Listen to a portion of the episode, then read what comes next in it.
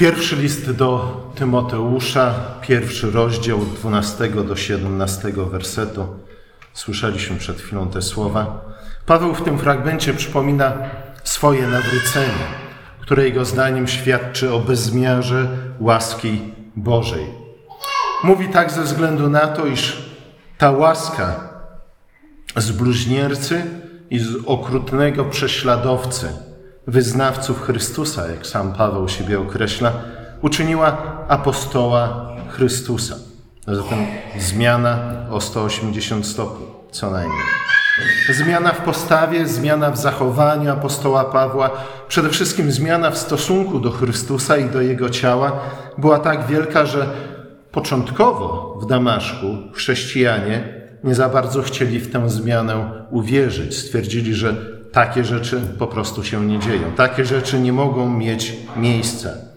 Nawet Ananiasz, który bezpośrednio od Pana Boga otrzymał polecenia, aby pójść do Pawła, spotkać się z nim, ochrzcić go, bał się pójść. Opierał się, niemalże jak prorok Jonasz, ze względu na to, iż słyszał, jak wiele złego Paweł, wtedy jeszcze znany jako Szaweł, wy, wyrządził świętym złego w Jerozolimie.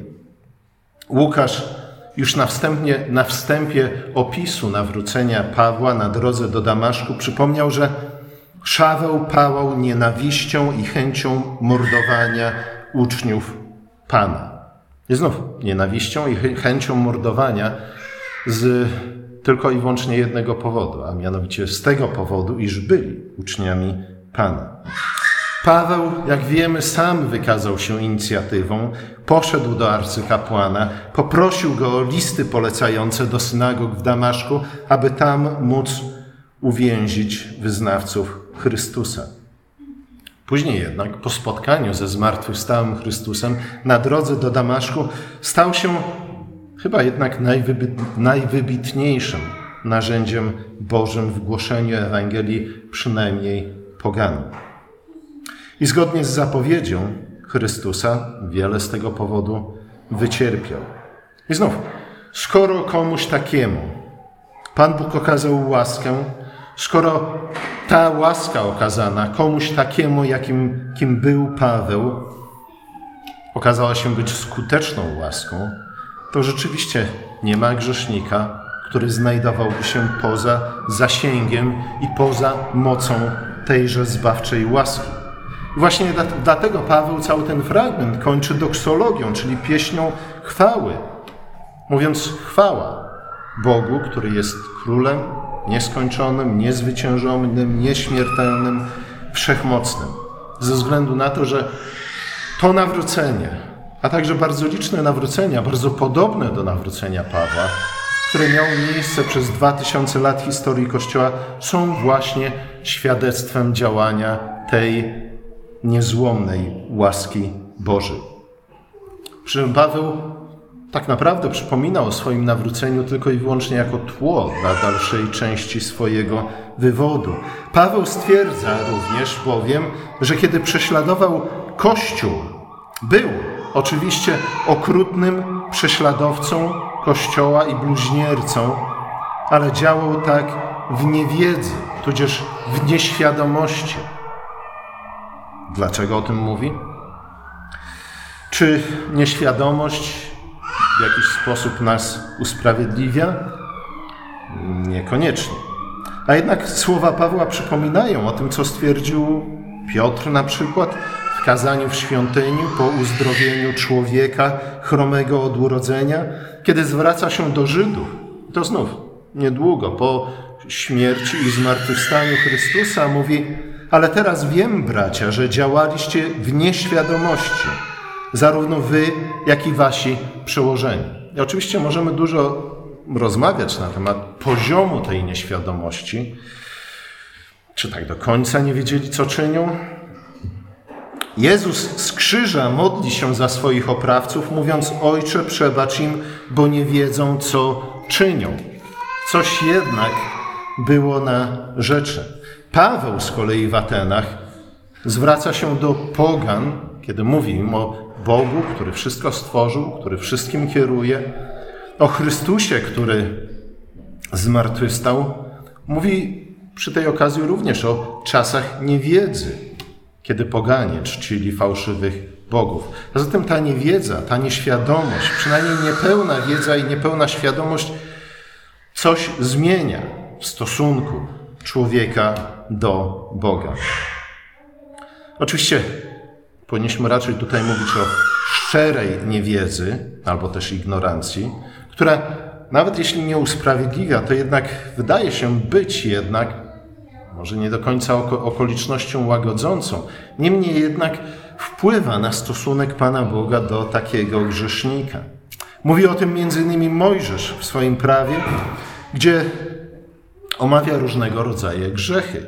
Generalnie rzecz biorąc, grzech dzieli się na dwie kategorie. Z jednej strony mamy mowę o grzechach popełnionych przez nieuwagę albo w nieświadomości, tudzież grzechach popełnionych przez ludzi zwiedzionych przez różnego rodzaju nauczycieli fałszywych, ideologów i tym, i tym podobnych, które spotykają się zgodnie z prawem mojżeszowym z inną, z lżejszą karą i z innymi konsekwencjami niż grzech, który jest nazwany grzechem z podniesioną ręką, a więc grzechem, który jest popełniany z premedytacją, w świadomym buncie człowieka, który wie, co czyni, rozumie, co czyni i właśnie dlatego i z tego powodu to czyni.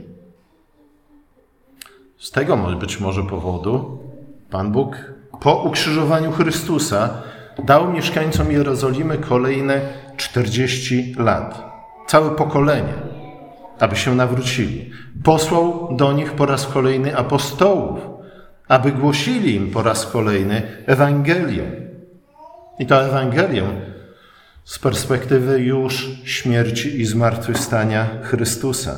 Aby głosili Ewangelię tym, którzy przyłożyli dłoń do wydania wyroku na Jezusa i do wykonania tego wyroku. Aby głosili Ewangelię między innymi tym, którzy na placu, na placu u Piłata krzyczyli, krzyczeli krew Jego na nas i na nasze dzieci. Słuchajcie, już samo to, gdybyśmy tam byli i usłyszeli te słowa, mogłoby nam się wydawać, że to już koniec dla tych ludzi. A jednak nie. Jednak Chrystus posyła apostołów, ba, posyła apostołów w mocy Ducha Świętego, aby nie tylko przypomnieli i jeszcze raz zwiastowali im Ewangelię, aby jeszcze raz zwiastowali Ewangelię z perspektywy krzyża i zmartwychwstania, czy też po krzyżu i zmartwychwstaniu, ale również aby czynili cuda większe niż te, które uczynił Jezus. Pamiętamy, co się działo. Cień apostoła padł na kogoś chorego i ten zostawał uzdrowiony. Nie czytamy nic takiego w Ewangeliach na temat Chrystusa. Przynoszono chusteczki, które pocierano Jezusa i zanoszono do chorych, i ci również byli uzdrowieni. Coś podobnego nie czytamy w przypadku Chrystusa. Znaczy, coś podobnego być może tak, ale nie coś takiego. Nie? Zwiastowanie Ewangelii z perspektywy po śmierci i zmartwychwstaniu Chrystusa, cuda dokonywane w mocy Bożej, przewyższające cuda Chrystusa. Apostołowie w stosunku do Chrystusa byli jak Elizeusz w stosunku do Eliasza. Elizeusz, który otrzymał podwójną porcję ducha, który, który miał Eliasz. A zatem Bóg dał mieszkańcom Jerozolimy, mieszkańcom Judei, mieszkańcom Samarii drugą szansę. Słuchajcie, i ta druga szansa była nawet lepsza, moglibyśmy powiedzieć, niż pierwsza szansa, ze względu na to, że apostołowie mogli im w nieco jednak inny i być może bardziej zrozumiały sposób głosić Ewangelię, odwołując się do krzyża i zmartwychwstania, które były już w tym momencie faktem historycznym, a także czyniąc cuda, które przewyższały nawet cuda Chrystusa. A ponieważ było ich dwunastu, mogli być w wielu miejscach naraz, w przeciwieństwie do Chrystusa. Słuchajcie, jak czytamy, już na samym początku tego zwiastowania, wielu mieszkańców Jerozolimy, a także wielu Żydów którzy, i prozolitów, którzy przybyli do Jerozolimy na święta, skorzystało z tej okazji.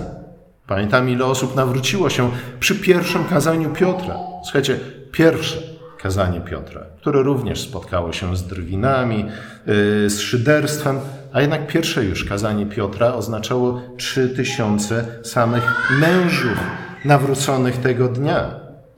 I wiemy, że wielu, wielu, wielu innych poszło w te ślady.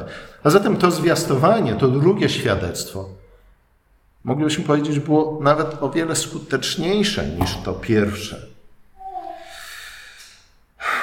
Bóg okazał cierpliwość nieświadomym tego, co uczynili, kiedy ukrzyżowali Syna Bożego, kiedy ukrzyżowali samego Pana chwały. Dopiero uparte trwanie w buncie i w grzechu, dopiero uparte odrzucanie tego drugiego świadectwa, świadome w nich trwanie, trwanie mimo wszelkich znaków Ducha Świętego, które poręczały świadectwa apostołów, dopiero to uparte trwanie w buncie i w grzechu przyniosło ostateczny upadek i potępienie dla mieszkańców Jerozolimy. W ten sposób Bóg działa. I znów te 40 lat nie było przypadkowych. Te 40 lat nawiązywało do wyjścia z Egiptu. Kiedy właśnie przez 40 lat, nawet jak dzisiaj słyszeliśmy i śpiewaliśmy, Bóg okazywał Hebrajczykom cierpliwość, łaskawość, dobroć, wielkoduszność i całą resztę. Mimo, że oni wyszli z Egiptu pośród wielkich znatków i cudów, niewątpliwie pod górą Synaj mówili wszystko, co powiedział Pan, uczynimy i będziemy posłuszni. I dobrze. A jednak raz za razem się buntowali. I to buntowali się w bardzo podobny sposób, w bardzo podobnych okolicznościach, stawiając bardzo podobne zarzuty Mojżeszowi i samemu Panu Bogu. Nie? Pan Bóg jednak okazywał im cierpliwość. Oczywiście ta cierpliwość w którymś momencie się skończyła.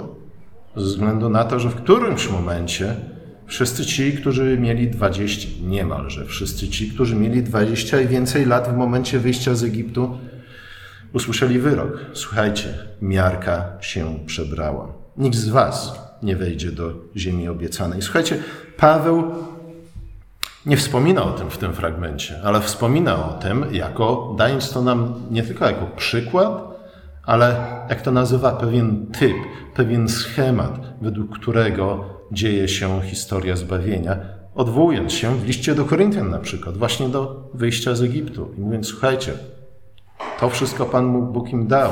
Zostali ochrzczeni w Mojżesza, zostali nakarmieni, czy też byli karmieni duchowym pokarmem i duchowym napojem, a jednak mimo cierpliwości, mimo dobroci, mimo wielkoduszności okazanej im przez Pana Boga, odrzucili to wszystko. Paweł podkreśla działanie cierpliwości Boga w jego własnym życiu. Nie? I chyba ta cierpliwość Boga tutaj wyrasta na pierwszy, wysuwa się na pierwszy plan. W szesnastym wersecie czytamy: Dostąpiłem jednak miłosierdzia po to, żeby na mnie pierwszym Chrystus Jezus mógł pokazać całą swą cierpliwość, tudzież wspaniałomyślność, aby, abym był przykładem dla tych, którzy mają w Niego uwierzyć i osiągnąć życie wieczne.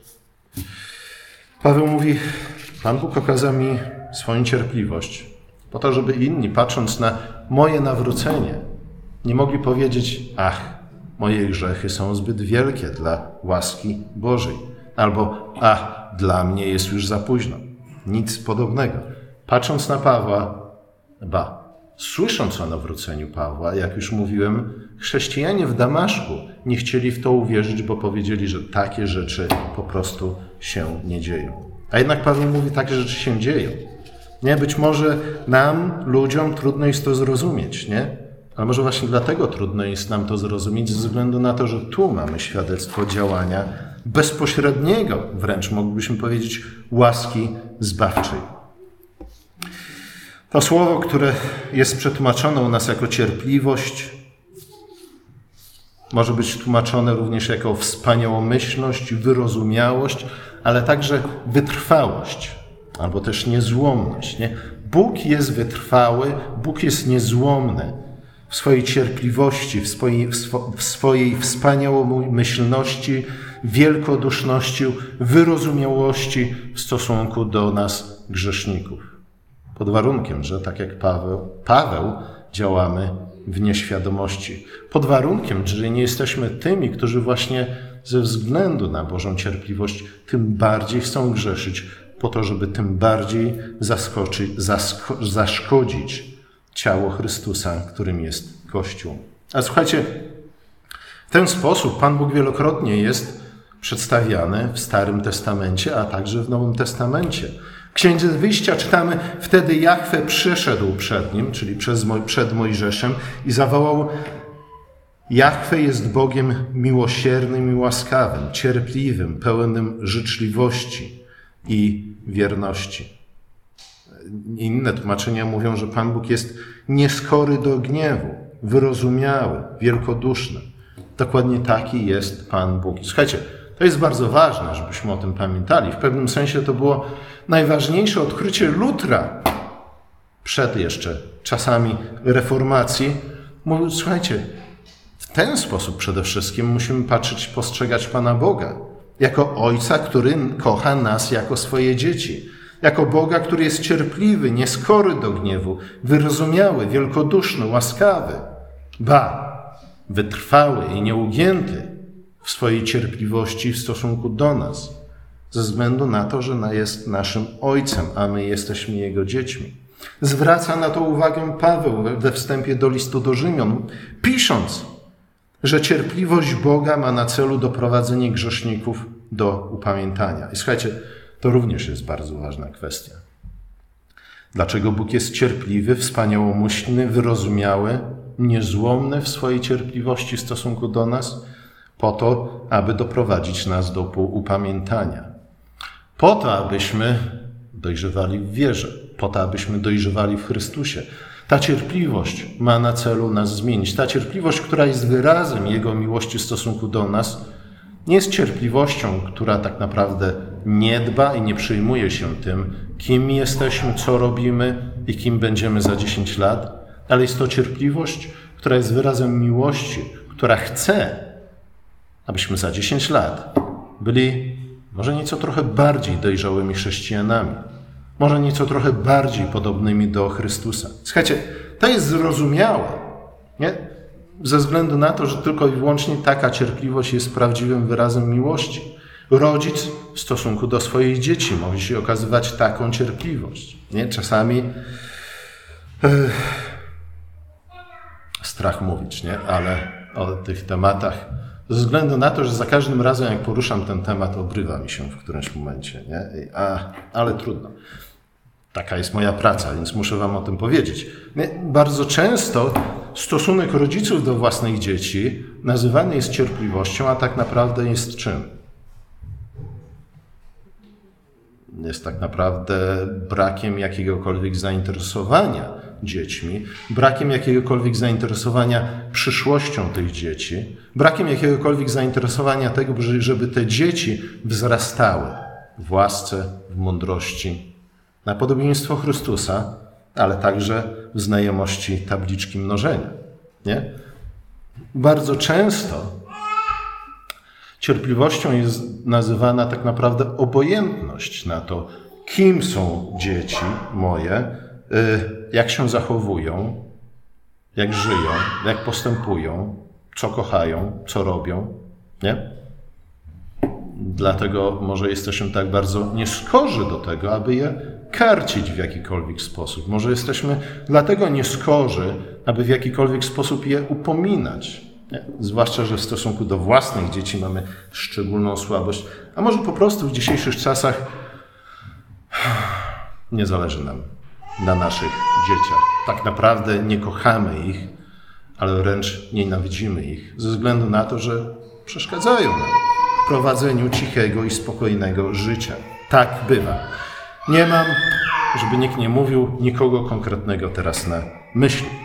Ale tak bywa, nie? Często nam się wydaje, że nasza cierpliwość w stosunku naszych dzieci jest wyrazem naszej miłości, a tak naprawdę jest wyrazem naszej obojętności, a czasami wręcz nawet naszej nienawiści w stosunku do naszych dzieci, ponieważ nie zależy nam w żaden sposób na ich przyszłości.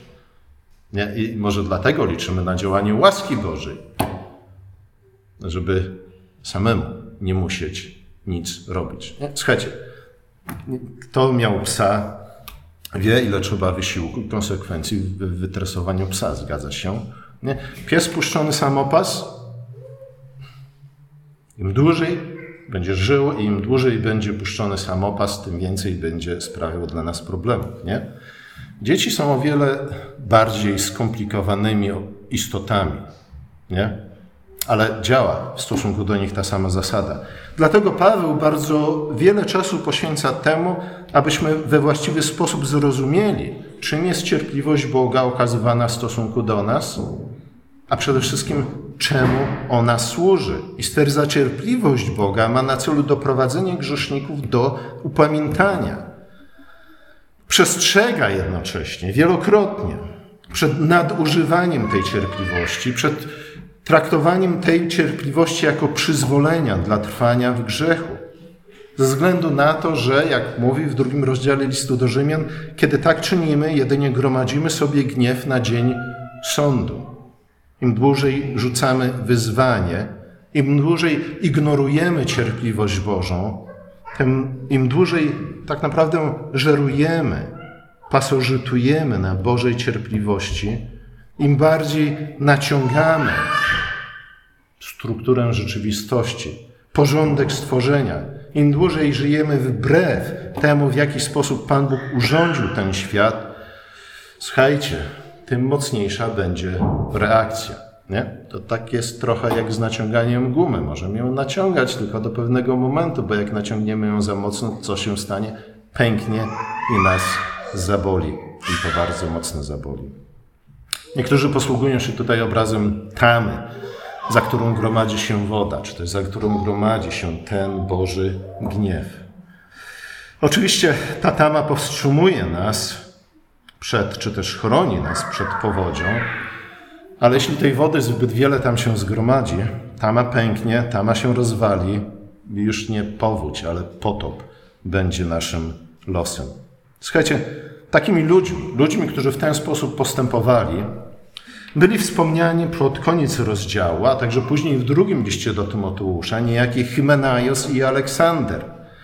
Wygląda na to, że to oni właśnie byli ludźmi, o których, do których moglibyśmy odnieść słowa z szóstego rozdziału listu do Hebrajczyków, gdzie czytamy, że niemożliwe jest, aby ci, którzy raz zostali oświeceni, zakosztowali daru niebieskiego, stali się uczestnikami Ducha Świętego, zakosztowali dobrego Słowa Bożego oraz przyjawów mocy przyszłego wieku, a mimo to odpadli, ponownie się nawrócili.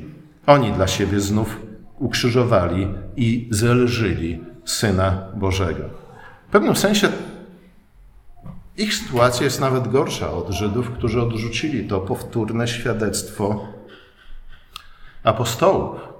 Ze względu na to, że Żydzi, którzy odrzucili drugie świadectwo apostołów, wciąż trwali w porządku starotestamentowym, tak to nazwijmy, sprzed Chrystusa. Tutaj, w liście do Hebrajczyków, jak mi się wydaje, możemy to odnieść do Hymenajosa i Aleksandra między innymi, jest mowa o tych, którzy przyjęli to świadectwo, którzy zostali włączeni w ciało, którzy zostali ochrzczeni w Chrystusa, którzy karmili się słowem, a także zmartwychwstałym życiem zmartwychwstałego Chrystusa, a jednak odrzucili. Takich Jan w swoim liście nazywa antychrystami, mówiąc, byli pośród nas, ale nie byli jednymi z nas. Hymenaios, Aleksander byli świadomymi odstępcami od wiary, którą przyjęli, którą wyznali i której mocy zasmakowali. Nie byli nieświadomymi poganami. Odrzucili Chrystusa, wiedząc, kogo odrzucają. W pewnym sensie byli nie tylko w gorszej sytuacji, ze względu na to, że byli gorsi nie tylko od Żydów, którzy nie przyjęli tego powtórnego świadectwa, ale byli gorsi niż sam Kain. Pamiętamy, u Kaina było podobnie. Pan Bóg oczywiście wygnał Adama, Ewę poza ogród, ale żyli tuż przy bramie do, do rajskiego ogrodu. Tam mogli spotykać się z Bogiem. Żyli w obecności Boga. Chociaż nie tak bliskiej jak Adam z Ewą, kiedy żyli jeszcze w raju. Kain wychował się właśnie w takim środowisku, w takiej rodzinie. Kain nauczył się tego, iż do Boga należy zbliżać się poprzez ofiarę. Ale kiedy złożył niewłaściwą ofiarę, Pan Bóg przyszedł do niego i go upomniał. I go przestrzegł. Mówi, słuchaj, grzech czyha u bramy twojego serca, dlatego uważaj, chłopie, bo to się może źle skończyć. Kain nie posłuchał tego ostrzeżenia. Zabił swojego brata.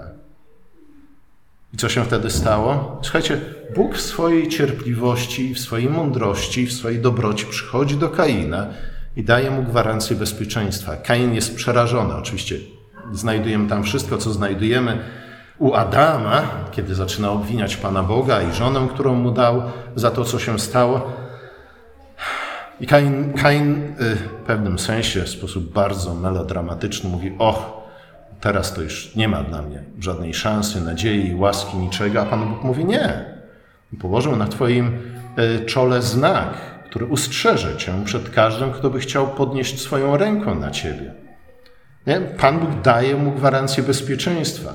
Pan Bóg wygnał go nieco dalej niż Adama i Ewę, co było zrozumiałe w tej sytuacji, ale Kain odrzuca również tę ofertę łaski Bożej, tę ofertę Bożej gwarancji bezpieczeństwa i ucieka jeszcze dalej na wschód i buduje swoje miasto. I właśnie przypatrując się miastu Kaina, zwłaszcza temu, jak wyglądało ono w siódmym pokoleniu po Adamie, kiedy stało się miastem Lameka, widzimy, co oznacza odrzucenie, czy też odrzucenie tak naprawdę cierpliwości Bożej, niezrozumienie, ku czemu cierpliwość Boża ma nas prowadzić. Ze względu na to, że później, kiedy łaska Boża przestaje działać, tak naprawdę nie ma hamulców już do człowieka w jego buncie i odstępstwie od Boga. Wiemy, jak wyglądało miasto Kaina w siódmym pokoleniu, kiedy stało się miastem Lameka. Miasto oparte na brutalnej, bezwzględnej przemocy. Miasto rządzone przez, czy też zinfiltrowane przez policję polityczną, gdzie nikt tak naprawdę nie wiedział, czy przypadkiem jego żona, czy też mąż nie donoszą na niego, czy też na nią. Było to miasto przymusowej pracy. Było to miasto, gdzie nie było absolutnie żadnej wolności. Było to miasto prześladowań, więzień. Było to miasto gułagu. Nie? Tak to się kończy, kiedy ignorujemy. Ale słuchajcie, ważne jest to, iż Pan Bóg okazał cierpliwość Kainowi. I to dwukrotnie. Dał mu szansę i powiedział: Słuchaj, Kainie, to co zrobiłeś było złe, było paskudne, było obrzydliwe, zasługujesz na sąd a jednak dam Ci drugą szansę, daję Ci gwarancję bezpieczeństwa. Jedyne, czego od Ciebie wymagam, to to, żebyś jednak trochę dalej od bramy raju zamieszkał. Kain mówi nie. Odrzucił, nie uwierzył. Może nie chciał. Nie? Może tak bardzo zatwardził swoje serce w buncie, iż nie chciał przyjąć tej łaskawej oferty Boga.